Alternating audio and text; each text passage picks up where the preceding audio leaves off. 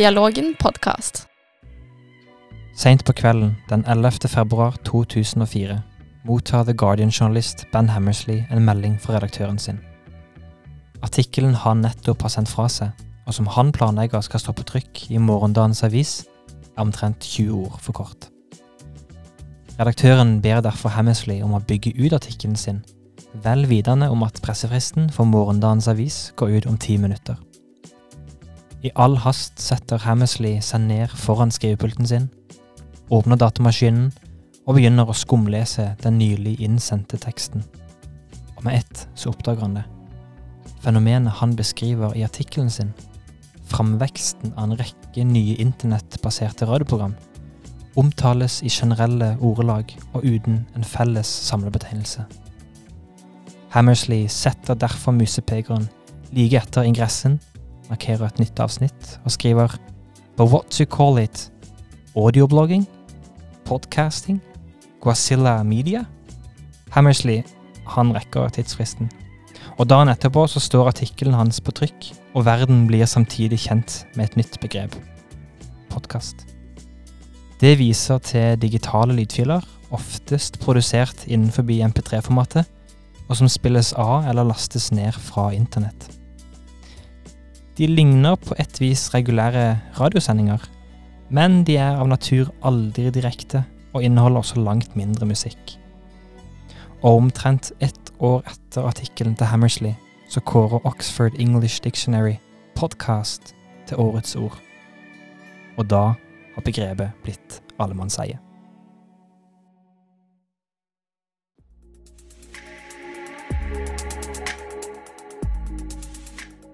Velkommen. Nei, den ble helt feil. Det Det var sånn Ponem Velkommen! Tonemfeil til de grader. Velkommen til sesongens aller siste episode av Dialogen podkast.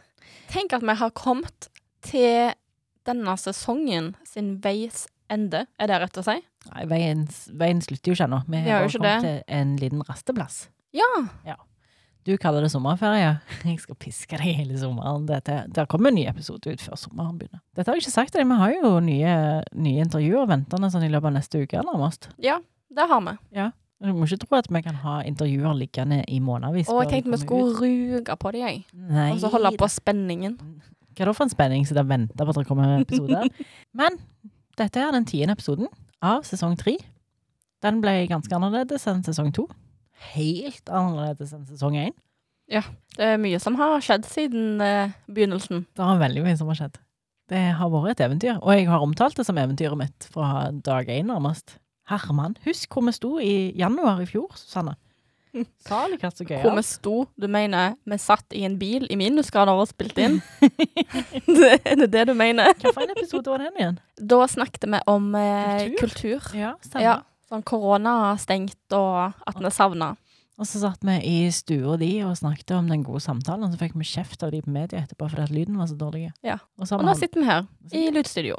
Sant. Og vi venter bare på at de skal lage det der store veggmaleriet av oss her i bakgrunnen. Ja. Det kommer nok etter, etter hvert, tror jeg. Men det skal ikke Det skal handle hovedsakelig om oss i dag. Det her er en sånn metaepisode der vi digger oss sjøl. Så nå er du advart, eh, men du kan vente til vi er ferdig med intervjuet med Vi har med oss en, en mann som driver og skriver doktorgrad om bruk av podkast i skolen. Men han er jo ganske opptatt og fascinert av podkaster generelt. Hvis dere ikke vil høre eh, om oss, snakke om oss, for det, det er litt sånn kvalmende, det er jeg enig i, så kommer det nå først et eh, intervju med Gunvald Dversnes, ph.d.-stipendiat ved Universitetet i Stavanger. Og så, selvsagt, så kommer de nydelige stemmene til podkastverdenens beste panel. Det kommer etter intervjuet. Og etter der igjen, da skal vi snakke om oss. Da skal vi få lov å være litt egoistiske.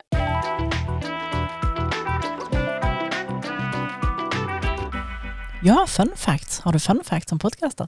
Da kan du tippe, dere som er podkastere, hvilket land i verden lytter mest på podkast? Er vi flinke der òg? Nordmenn? Ja, nå, nå var jo det opp til dere da tipper tippe. Ja. ja. Nei, vi, vi er på nummer fire. Altså, vi er Ja. på fjerdeplass. Ja, Det er jo litt imponerende. ja vi er Hva er det vi kan, da? Det er, det, vi kan lytte til podkaster, vi drikker kaffe. Vi la høre topp uh, topp fem-lista på uh, podkastlyttere i verden. Selvsagt. Ja. Uh, det er altså da irene som lytter mest på podkast i hele verden. Well, let's make some Irish episodes then, huh? Mm -hmm. mm -hmm. uh, og så har du eh, spanjolene på andreplass. Så har du svenskene, og så har du nordmennene. Og amerikanerne, de er på femteplass. Ja. Ja. At irrene, faktisk. De har savna puben, de. Ja, jeg tror ja. Kanskje det går nedenom igjen med de tallene der nå etter pandemien. Det blir Kanskje. en, kanskje noen kan skrive en masteroppgave om det. Ja. Ja. ja. Nei, men de er, de er på topp, rett og slett, irene. Men jeg tror ofte at podkastutbredelse har sammenheng med Hvis du har eh, en statlig radiokanal som på en måte står veldig sterkt, så kan Mm. den på en måte dra lasset. Vi har hatt NRK, eh, i eh, Sverige så har de SVT osv. Så videre. sånn at eh, med, en, med et sånn statlig eh, drive på det, så kommer en ganske langt i begynnelsen. Spennende. Har du flere? Flere statistikker? Fun facts? Flere fun facts om, om podkast? Ja.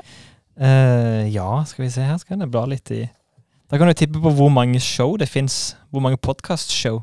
Å, heldig mye tid. Kommer med en fun fact tilbake igjen. og Jeg satt og så gjennom denne eh, toppod... Nei, hva heter det? Norsk toppod... Pod, På toppen. Podtoppen, Ja. selvfølgelig. Eh, og hadde vi blitt regna med blant de som er der, så hadde vi vært inne på topp 100. Det, det er noe å ta med seg. Det er litt kult. Ja. har, vi har lyttertall til det, men vi er ikke gjennom den rette plattformen. Ja. men det fins to millioner show. Jesus. Ja, og så altså podkastserier. To millioner som er da inne i den Apple-indeksen.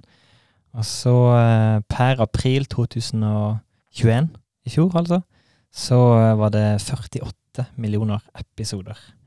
Så det er, bare, det er bare å gå ut og lytte og bli mindre nevrotisk. Spennende. Og det er så mye rart òg. Ja, det, Det finnes er- en podkast for alt. Ja, det er jo blitt sånn. Altså Tidligere så var det appen som var, det var en app for alt. Nå er det en podkast om alt. Ja. Jeg har liksom hørt Kommet over sånne femtimers episoder om fantasy-romaner og diverse. Ja. Og det fascinerer. ja. Ja.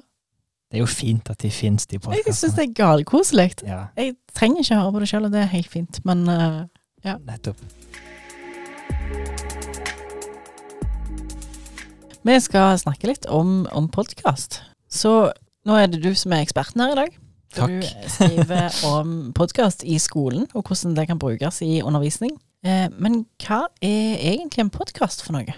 Ja, eh, det å definere podkast i Altså innenfor et podkastformat er kanskje litt rart, men eh, for alle vet hva det er for noe. Alle som lytter, kanskje de skjønner hva en podkast er, fordi at de lytter på en podkast akkurat nå. Ja. Men hvis du skulle på en måte funnet en definisjon på det, så, så er en podkast en serie av lydinnspillinger som publiseres og deles på nett. Ofte innenfor MP3-formatet, hvis vi skal på en måte gjøre det veldig spesifikt. Det er en podkast. Altså, vi har jo definert tegneserier her tidligere uten å ha noe visuelt å vise til. sånn at det, det, Ja, er tegneserie på podkast. Ja, ja. Det, Ja. Vi lurer på om vi snart skal ta malerier og med kunst og forskjellig. Mm. Alt, som er- alt som gjør det litt vanskeligere for oss sjøl. Mm. Det blir gøy. Så hvis vi skal Nå var du litt vag i definisjonen. Så hva funksjon har det? Hva format ser vi på? Hva Vi har diskutert litt lengder og sånn. Hva tenker du? Ja, altså Podkastteknologien den ble etablert på begynnelsen av 2000-tallet. Og i begynnelsen så var det gjerne sånn at en eh, så podkast i opposisjon eller som en sånn videreføring. Det var alt ettersom av radio. Sånn at ofte så en i begynnelsen podkast som en sånn konkurrent kanskje til radio. Mens en etter hvert har sett at eh, de konkurrerer kanskje ikke eh, likevel. Men altså fra og med 2000-tallet så har en hatt eh, podkastteknologi. Men det er ikke før år 2004 at en får en definisjon på hva en podkast er, eller podkast som term blir, blir etablert. Og så går det egentlig en del år før podkastteknologien og på en måte podkast som fenomen blir skikkelig populært. En sier ofte at podkasthistorien kan deles i to. Du har den podkasthistorien som, som er fram til 2012, og så har du den som er etter 2012. Så vi snakker om en første bølge av podkast eh, fram til 2012. Og i 2012 så eh, kommer eh, Apple med denne podkast-appen sin. Den fiolette som vi alle har sett. ja. Og fra og med Apple-lanseringa av den podkast-appen, så har på en måte podkast blitt allemannseie. Det har blitt mye mer tilgjengelig. Eh, og det har på en måte også utløst et, egentlig et skred av podkaster eh, der ute.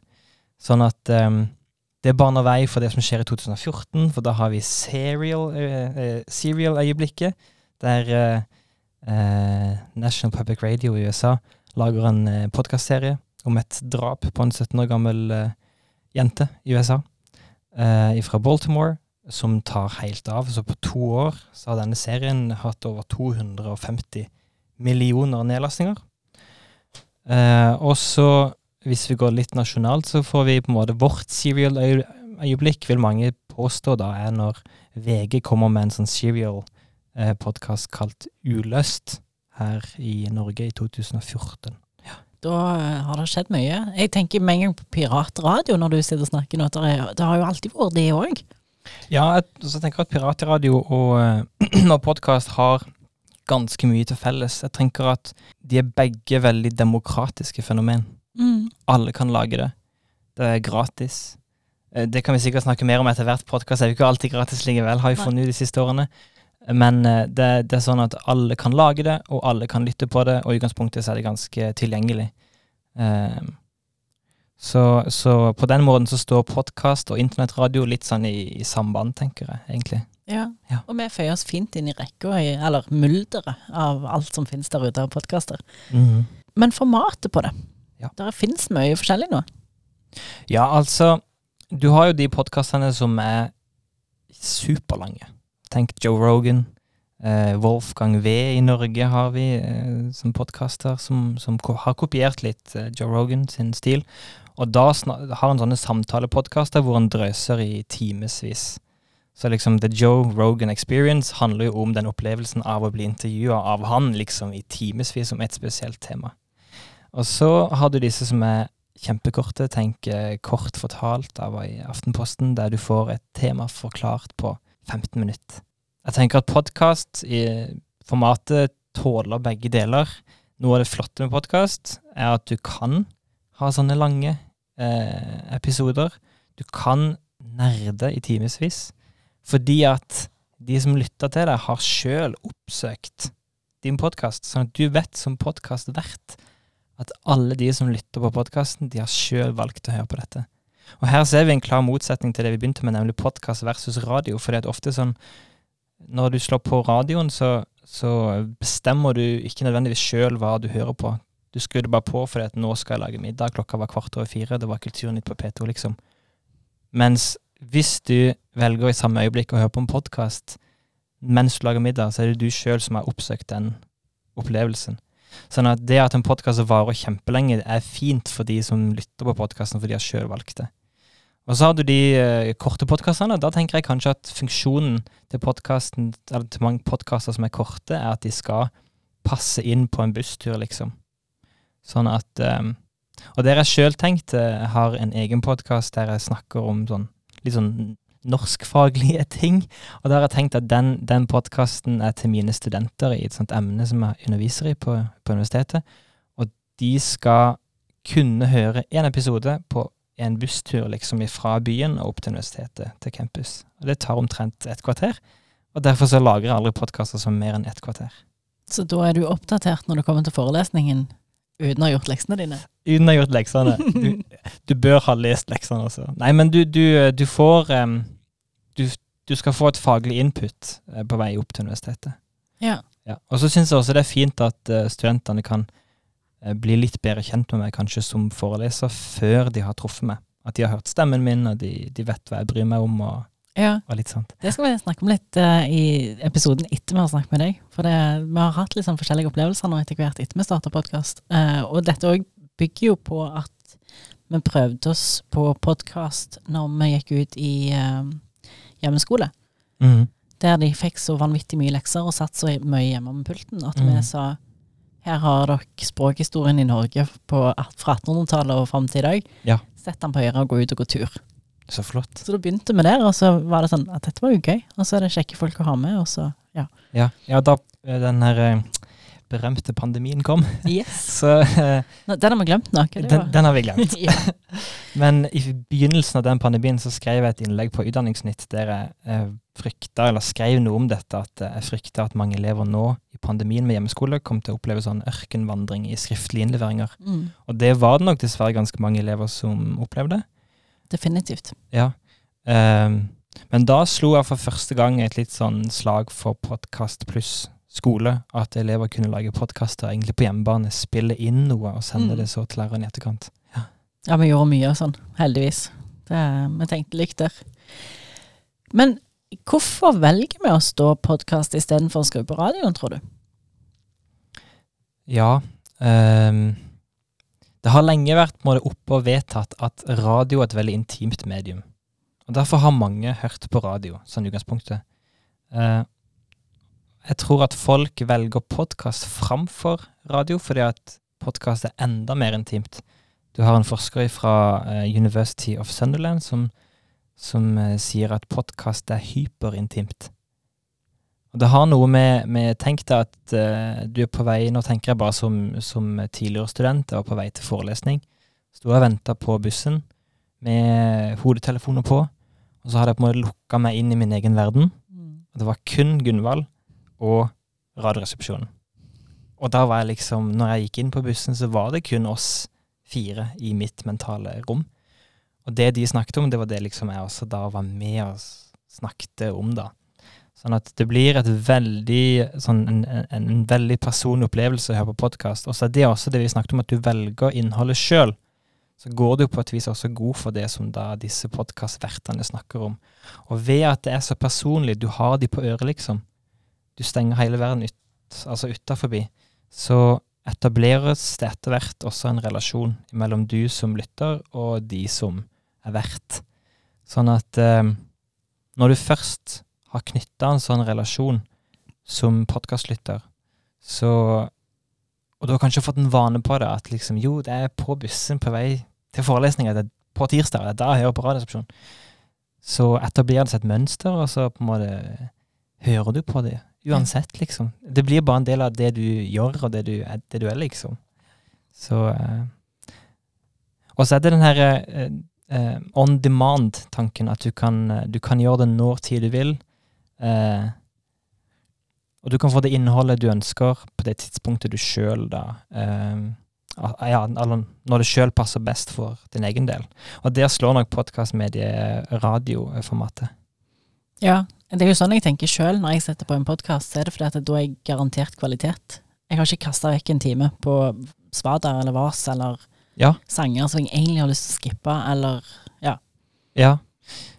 Men så tror jeg også mange folk benytter podkast som en sånn slags avbrekk i hverdagen. Litt sånn eh, Hvis du går inn og ser på hva folk lytter på på podtoppen, så mm, sånn stort sett så kan du si at eh, vi lytter på veldig mye sånn livsstilspodkaster. Nordmenn er veldig glad i livsstilspodkaster og eh, underholdningspodkaster. Men det en også ser, det at eh, på podtoppen og norske podkaster, så er det sånn podkaster som enten kan lære deg noe, eller der du kan holde deg oppdatert på et, på et uh, nyhetsbilde. Så du har liksom livsstilspodkaster som er veldig store, eller så har du de som skal oppdatere deg, og de da som skal lære deg noe. Uh, det er liksom det er de type podkastene som vi hører på. Ja. Er podkast et medie som er kommet for å bli?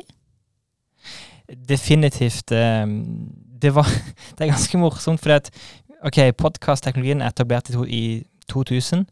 Og, og den første podkasten som ble produsert her til lands, den ble produsert i 2005 av eh, Kurer eh, i NRK. Den handla om podkast. Da var det sånn voldsom sånn optimisme knytta til podkast, men også sånn nøktern realitet rundt at de trodde ikke at podkast tok over for radiofenomenet. At det var liksom for etablert og for stort. Går du ti år fram, så har samme program på NRK, Kurer, en, en episode om podkast, hvor de sier at ah, podkast slo ikke gjennom, dessverre. Det var dumt. og, så, og så ser de likevel tegn i tida til at eh, vinden holder på å snu, holdt på å si. Fordi at VG i 2015 satser på podkast. Aftenposten har akkurat kommet med sin podkastlansering, Aftenpodden osv. Eh, Skipsted har kommet med sine podkaster, Forlandsbransjen har kommet med sine, men NRK de, de henger igjen, liksom, i 2015. Eh, og det har veldig mye med lyttertall å gjøre, at podkasten hadde kanskje ikke slått rot i Norge i 2015. Men så har det skjedd noe i de senere årene som på en måte har eh, Podkast har kommet for å bli, eh, fordi at også vi, vi eh, Med pandemien så fikk vi så mye ekstra tid, eh, var følelsen. Sånn at eh, folk fylte den tida også med å lytte mer på podkast enn noensinne. Eh, og så er spørsmålet hvor mye av den podkastlyttinga forsvinner nå som pandemien ikke finnes, liksom. Men da tror jeg at i løpet av to år så har podkaster kommet inn som en sånn del av den daglige rytmen til folk, og at de derfor også vil fortsette å lytte til podkast i framtida. Ja, og så kan en jo veldig lett dra sammenligning med hva dette Når du ser TV nå, så kaller vi det for linje-TV. Nei, Linær-TV. linær-TV. Takk. Ja. Og da er det jo altså Det her er jo da radioens Netflix. Ja. Dette er radioens Netflix, rett og slett. radioens Netflix-podkast. Ja. Uh, så ja, det er noe sant i det. Jeg tenker også at eh, folk lytter på podkast, og podkast er kommet for å bli fordi det er et fenomen som er litt i opposisjon kanskje til den her kjappe Twitter-journalistikken, hvor du har liksom Jeg vet ikke hvor mange tegn du har på Twitter. Er det 180 fortsatt? 100, Jeg tror det har endra seg til noe mer enn det, men jeg er litt usikker. Ja, men du har uansett et begrensa eh, mengde med ord som du har lov til å på en måte benytte deg av. Mens på podkast så kan du holde på i timevis, så du på en måte du kan, du kan gå i dybden på ting. Mm. Um, og så så er det, litt, det, er, det er litt morsomt, for podkast tror også kommer for å bli pga. at folk har på en måte fått en sånn relasjon til enkelte podkastverter og på en måte etablert vennskap. Uh, og det kom akkurat en forskningsartikkel der ei forskergruppe fra University of eh, Queensland hadde funnet ut at du ble mindre nevrotisk av å lytte til podkast. Og det er nok fordi at i motsetning til mye av de her forskninga på sosiale medier, der vi blir mer nevrotiske, så får du på en måte tid til å gå i dybden på ting. Du får tid til å slappe av, stresse ned når du hører på podkast. Og så er det jo som du sier, at det føles som en relasjon. Og da har vi disse her kjekke happy-hormonene som slår til òg idet du bygger en relasjon med noen. Så produserer du jo eh, oksytociner i den Ja. Fantastisk, hæ? ja så det er, det er mye som spiller inn her. Ja. Spennende. Hva er din relasjon til podkast? Altså, Ja. Eh, min relasjon til podkast og nå tenker jeg ikke det yrkesmessige, nå tenker jeg liksom hva- hvor kommer interessen ifra? Ja, for her må vi skille mellom personlig og, Ja, så nå og vil jeg ha det profesjonelt, personlige. holdt på å si. Ja. Ja. Nei, personlig så ehm, Jeg har alltid hørt på radio. Så jeg tror at min interesse for podkast kommer uh, fra radio. Og i min familie så har på en måte NRK P2 stått veldig sterkt. Eh, så da jeg var eh, ganske ung, så lytta jeg på Språkteigen, liksom. Jeg er oppvokst med å høre på Språkteigen. Eh, Som òg er ute i podkastformat. ja, nettopp. Og det er det NRK har gjort. De tar bare radioprogram, og så gjør de det til podkast i etterkant. Mm. Men liksom, jeg er oppvokst med, med P2-akademiet, holdt på å si. Og så eh, eh, Etter hvert så, så begynte jeg å høre på, på Radioresepsjon som ganske ung. Og eh, de catcha meg, eller på en måte jeg, jeg likte det universet de skapte i Radioresepsjonen veldig, Mm. veldig godt. Eh, og så har jeg etter hvert, da, da jeg ble student, så begynte jeg sjøl å lage podkast, for jeg syntes det var så gøy, det her fenomenet podkast. Og jeg tenkte at det kan ikke være så vanskelig å lage podkast. så opplever du etter hvert at det er ganske vanskelig å lage podkast, og du, på en måte- skal du ha en, en pågående podkast, så må du putte ganske mye arbeid inn i det å ha en podkast. Hvis du skal ha ukentlige episoder, for eksempel, så krever det ganske mye jobb. Hæ, hva mener du med det? ja, så, men jeg hadde en studentpodkast sammen med to, eh, to venner av meg, og så og nå begynner vi å nærme oss den profesjonelle podkast, Gunvald. For da jeg fikk lov til å bli doktorgradsstipendiat, så, så valgte jeg å forske på podkast i skolen. Ja. Ja. Og da må vi over der. For hvorfor en hel doktorgrad om podkast i skolen? Det er så mange gode grunner til å forske på podkast i skolen. Topp ti. Topp ti, ja. Det første som jeg tenker, det er det at um, i skolen så står skriving veldig sterkt. Det er det sterkeste mediumet vi har. Vi ber elever skrive. Så tenker eller Det vi også vet om, om eh, skolen, det er at muntlighet er liksom eh, lite systematisk arbeid rundt dette muntlighet. Foruten det at vi ber elever lage powerpoint og setter de foran i klasserommet. Og så har vi etter hvert blitt flinkere til å be de kanskje spille inn powerpointen, eh, som er lydfil eller som er videofil. Men eh, det er på en måte lite fokus på det muntlige i skolen. Hvordan kan vi arbeide med muntlige ferdigheter? Um, og da har jeg tenkt at eh, det å jobbe med podkast, eller det å la elever lage podkast, kan være med på å, å systematisere det arbeidet. Du kan som elev få god tid til å på en måte spille inn podkasten, redigere den, bli fornøyd med produktet ditt. Det er ikke sånn at uh, det, det, er mange elever som på en måte tenker at muntlighet, da står de foran et klasserom, og så har de på en måte 15 minutter til å vise at de kan noe. Og hvis de var litt sjuke den dagen, så røyk den gode karakteren. Og så på, ja, så på en måte, Istedenfor at alt skal stå og falle på de 15 minuttene, så har du med podkast i skolen lov til å på en måte feile litt, prøve det litt fram, osv. Og så kan du som lærer lytte til elevenes podkaster mer enn én en gang, så du kan faktisk gjøre deg opp en sånn reell mening om elevens kompetanse. Mm. Det tenker jeg også er en veldig styrke med tanke på vurderingsarbeid i skolen knytta til muntlighet. Ja, jeg har brukt en del sjøl. Jeg syns det er veldig greit, og, for da kan jeg høre på det mens jeg lager middag. Ja, nettopp. Så, ja, to fluer i én smekk og alt det der. Så fram til nå, hva, hva har du gjort i doktorgradsarbeidet med podkast? Ja, Um, så for å på en måte kontekstualisere hele doktoren min, så var det sånn at, uh, at jeg tok kontakt med, med, en lærer i skolen. Og så spurte jeg du, jeg har en god idé, kunne vi ha lagt podkast? og så eh, sa vedkommende ja.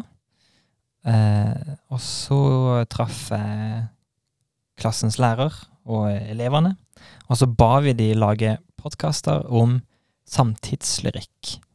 Så de fikk utlevert et lyrikkhefte bestående av åtte dikt. Og så kunne elevene da i grupper velge seg ett dikt som de vil analysere i en podkast på 10-15 minutter. Og så i etterkant, da, når jeg var ferdig med dette undervisningsopplegget, eller når vi var ferdig med opplegget, eh, så eh, trakk jeg meg tilbake inn i forskningsbobla mi, og så lytta jeg gjennom til gruppearbeidene som elevene hadde vært igjennom. Eh, for de tok jeg opptak av. Og så lytta jeg gjennom podkastene som de lagde. Og så har jeg tatt begge disse datakildene, opptaket fra gruppearbeid og opptaket fra podkastene, og så eh, koda de og analyserte i et dataprogram som heter Envivo, ut ifra eh, noen eh, teoretiske rammeverk. Og eh, i det ene rammeverket så ser jeg på hvilken kompetanse er det elevene egentlig kommuniserer. Hvilken faglig kompetanse er det egentlig elevene kommuniserer i de her podkastene de har lagt. Eh, fordi at eh, mange vil jo frykte at når du tar et nytt medium inn i skolen, så, så på en måte ta mediumet i seg sjøl, podkast, er så kjekt at du på en måte glemmer alt det der faglige rundt. Og i skolen så er vi veldig opptatt av at ting skal være faglig, tross alt. Du skal på en måte forankre det i læreplanen og i kompetansemål osv. Men det vi fant ut, var at elevene ved 90% av tida i de her podkastene sine faktisk snakket om faglige ting. Og de siste 10 prosentene, det var sånn eh, eh de på en måte snakket litt om hvem de var, og hva de brydde seg om, og litt sånn. Men så gikk det veldig fort over til å bli eh, en sånn sjanger som vi gjerne har sett tidligere i skolen, der de på en måte gjør det de skal gjøre. Så podkastene ble ganske skolske. Det var nok sikkert også fordi de visste at de skulle bli vurdert i etterkant. Men det, måte, det var det jeg gjorde, det er det jeg har gjort nå i artikkel 1, som, som har blitt publisert. I forbindelse med artikkel to så ser jeg ikke på produktet podkast i skolen, men da ser jeg på prosessen. Hvordan opplever elever det å lage podkast eh, i skolen? Så da har jeg gått inn i de her eh, Jeg har samla inn 50 timer med elever som sitter sam, altså, samtaler i gruppearbeid, og da ser jeg på hvordan samtaler er det de har i de gruppearbeidene. Eh, og så finner jeg ut at eh, Eller så har jeg sett de samtalene i lys av to termer. Utforskende samtaler og presenterende samtaler. Og det vi ønsker mer av i skolen, det er utforskende samtaler. Genuint utforskende samtaler. Og det finner jeg ved omtrent 25% av tida i de her gruppesamtalene. Og så finner du også at elevene har mest Altså de er mest utforskende i begynnelsen av gruppearbeidet, og så synker på en måte den, den utforskende samtalen, og så tar den presenterende samtalen over etter hvert. Og En presenterende samtale er da kjennetegnet av at de er opptatt av hva tenker mottakeren av det vi skal gjøre her. Ja, Det kommer av at etter hvert som gruppearbeidet går framover, så skal de jo spille inn podkaster, og da blir de presenterende av natur. Mens de da i begynnelsen av gruppearbeidet har vært veldig opptatt av hva betyr det her diktet her? Hva er lov i podkastformat? Har vi lov til å si jeg? Har vi lov til å være personlige? Og så videre. Så um, det har vært veldig, veldig interessant å gå gjennom de her 50 timene, for du lærer så utrolig mye om hvordan elever tenker om et nytt eh, format i skolen. Ja. Gøyalt. Høres spennende ut. Ja. ja. Doktorgrad var ikke helt det det en gang var. Det er Nei. nei, litt andre emner som kom inn nå.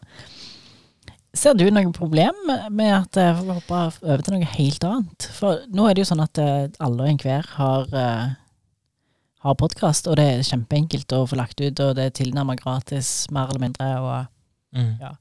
Er det noe problem med at nå alle skal ut i podkastverdenen? For nå kommer sikkert alle disse elevene òg ut etterpå, med sine diktanalyser. Ja. Jeg tenker jo ikke at det er et problem. Nei. Nei.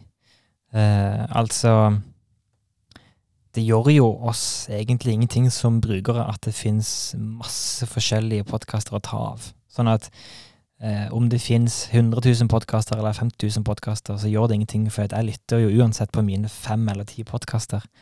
Sånn at eh, valg, når valgfriheten går opp, så tror jeg ikke nødvendigvis at folk lytter til masse forskjellige podkaster. Vi har fortsatt bare 24 timer i døgnet, husk Mm. på det. Eh, og så tenker jeg også at um, det er kanskje noe fint med at eh, det er så mange podkaster, fordi at podkast et veldig demokratisk fenomen, og at det kan være med å utvikle en slags samfunnssamtale. At eh, det er mulighet for å på en måte helt ja, for Gud og hvermannsen å lage podkaster og ytre seg i, i samfunnssamtalen. Det tenker jeg er veldig, veldig, veldig fint. Ja. Men så er det jo alt dette med feilinformasjon og. Altså Ja, folk som uttaler seg om ting som de ikke har peiling på i det hele tatt, kanskje. Ja. Ja, det var jo en sak om han Joe Rogan på og, og Spotify versus versus Neil Young, som, eh, som jeg tenker handler Som var veldig interessant å følge fra sidelinja. Fordi at han, den, den eh, saken handla i min verden veldig mye om ytringsfrihet versus ytringsansvar. Eh, og så vet vi at eh, Spotify har brukt masse penger for å få han Joe Rogan over på sin plattform. Eh, og det er et strategisk valg de har gjort. De ønsker å bli store på podkast. I det øyeblikket han har intervjua noen som er eh, kritiske til pandemihåndteringa i USA, så reagerer da kjente stemmer i USA, kjente musikere, eh, på at dette er feil informasjon. Og det tenker jeg um, At det er fint å se den, på en måte, det spekteret i denne her debatten. Jeg tenkte at, at Spotify De tok jo det valget at de valgte å, å trekke musikken til han Young og hun Johnny Mitchell. Eh, og så kan en si mye om det, men jeg tror Spotify var eh, hva skal vi si, de hadde allerede tatt det strategiske valget at vi skal bli store på podkast, og da, da må på en måte alle andre interesser eh, fra, ja, fravike på et vis. Ja, de må prioritere det som er viktigst for dem. Ja, men samtidig så syns jeg at den diskusjonen om ytringsansvar er også ganske viktig. Nei, det er sånn at Vi kan skille alle podkastere mellom de som er redaktør, eller har en redaktør på toppen, Mm. og de som er uavhengige. Og Joe Rogan er i prinsippet en uavhengig podkast. Sånn at han trenger ikke å forholde seg til en Vær varsom-plakat. Mens podkaster fra mediehus som NRK, Aftenposten og VG, de har en redaktør. Så på en måte innenfor de kjente rammene av en redaktør, så på en måte ville kanskje ikke sånne uttrykk som vi så i Joe Rogan kommet. Nei. Um, Vi har jo Steve Bannon òg, men ikke han som eh, ble kansellert etter å ha ønska å ta Eller uttalt seg om at han ville se Fauci halshogd, tror jeg det var. Ja, Så han ble jo kansellert og hevet av sine plattformer, eller noen av de. ok, ja. Det har jeg ikke fått med meg, men ja. Jeg prinsipi- altså, jeg ofte, eller prinsipielt sett, er jeg mot cancel culture, må jeg si. Så på en måte, jeg vil Jeg tror det var Spotify som kasta han, men han er fremdeles tilgjengelig på Google sine plattformer og Apple, tror jeg det. Ja, for det er det jeg tror. Si at, at eh, Spotify hadde kasta Joe Rogan ut. Eh, Så ville jo bare han funnet seg en ny plattform. Og han ville jo ikke mista sine millioner av lyttere av den grunn. Sånn at eh, det var dermed Den diskusjonen rundt Joe Rogan synes jeg var ganske sånn, det var ganske lett å se hvor han skulle ende opp. At når eh, han gikk ut så hardt, han Mm. musikeren, så, så så kunne jeg nesten si på forhånd at ok, du mister dine sanger på Spotify. Mm. Men det betyr ikke likevel at det han ytra at det var galt. For jeg mener også på at når du, når du har så mange lyttere som han Joe Rogan har, at du bør tenke gjennom det ytringsansvaret du også har parallelt. Er det kanskje lettere å være litt mer løssluppen òg når du snakker muntlig, enn når du uttaler deg med noe skriftlig? Altså Hvis du er i sosiale medier og legger ut noe skriftlig, så er, virker det mer permanent kanskje enn når du bare sier det høyt. Ja, definitivt. Og, men det tror jeg også noe av gleden med podkast, at du på en måte du kan komme inn i et studio, og så eh, Så har du sagt ting som du kanskje aldri hadde skrevet ned. For dette Ja. føles mer bindende når du har sagt noe skriftlig. Ja. Det er riktig, det. Um, ja. Kanskje det er derfor folk sier så mye rart på podkast. Kanskje derfor. Ja, det er meget mulig. Nei, for det er jo fremdeles òg de som er Altså, det er folk som blir kasta ut av Facebook, Twitter, YouTube, for eksempel, eh, fordi de har sagt ting som de ikke burde. Eller skrevet ting, da. Mm. Men de kan jo fremdeles uttale seg på podkaster. Lage sin egen. Mm. Og det er ingen som sperrer de ute fra Tror du det vil bli mer eh, Altså holdt på å si redaksjonsansvar fra de store? Eller sånn Google for eksempel sa jo det at eh, Skal vi se, det var deres Farshad Shadlu som er ansvarlig for podkaster hos Google, og Google sier det at deres Google, podkastplattform er rett og slett bare en søkemotor over alt er av podkaster. De har Mm. ingenting ansvar for hva som blir lagt ut. Ja. Jeg tror det vil fortsette å være sånn eh, på, for Google sin del.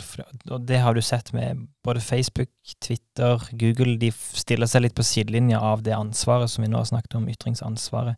Og sier at de bare er på et vis eh, distribueringsplattformer.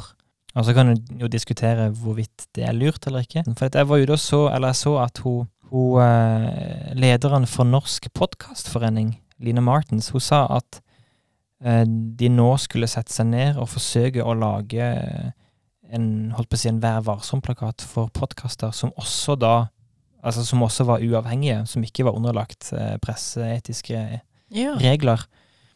Uh, og det tror jeg egentlig Det tror jeg bare er sunt. Altså eh, tilbake igjen til, til NRK og kurerte i intervjuer i 2015, Tusvik og Tønne.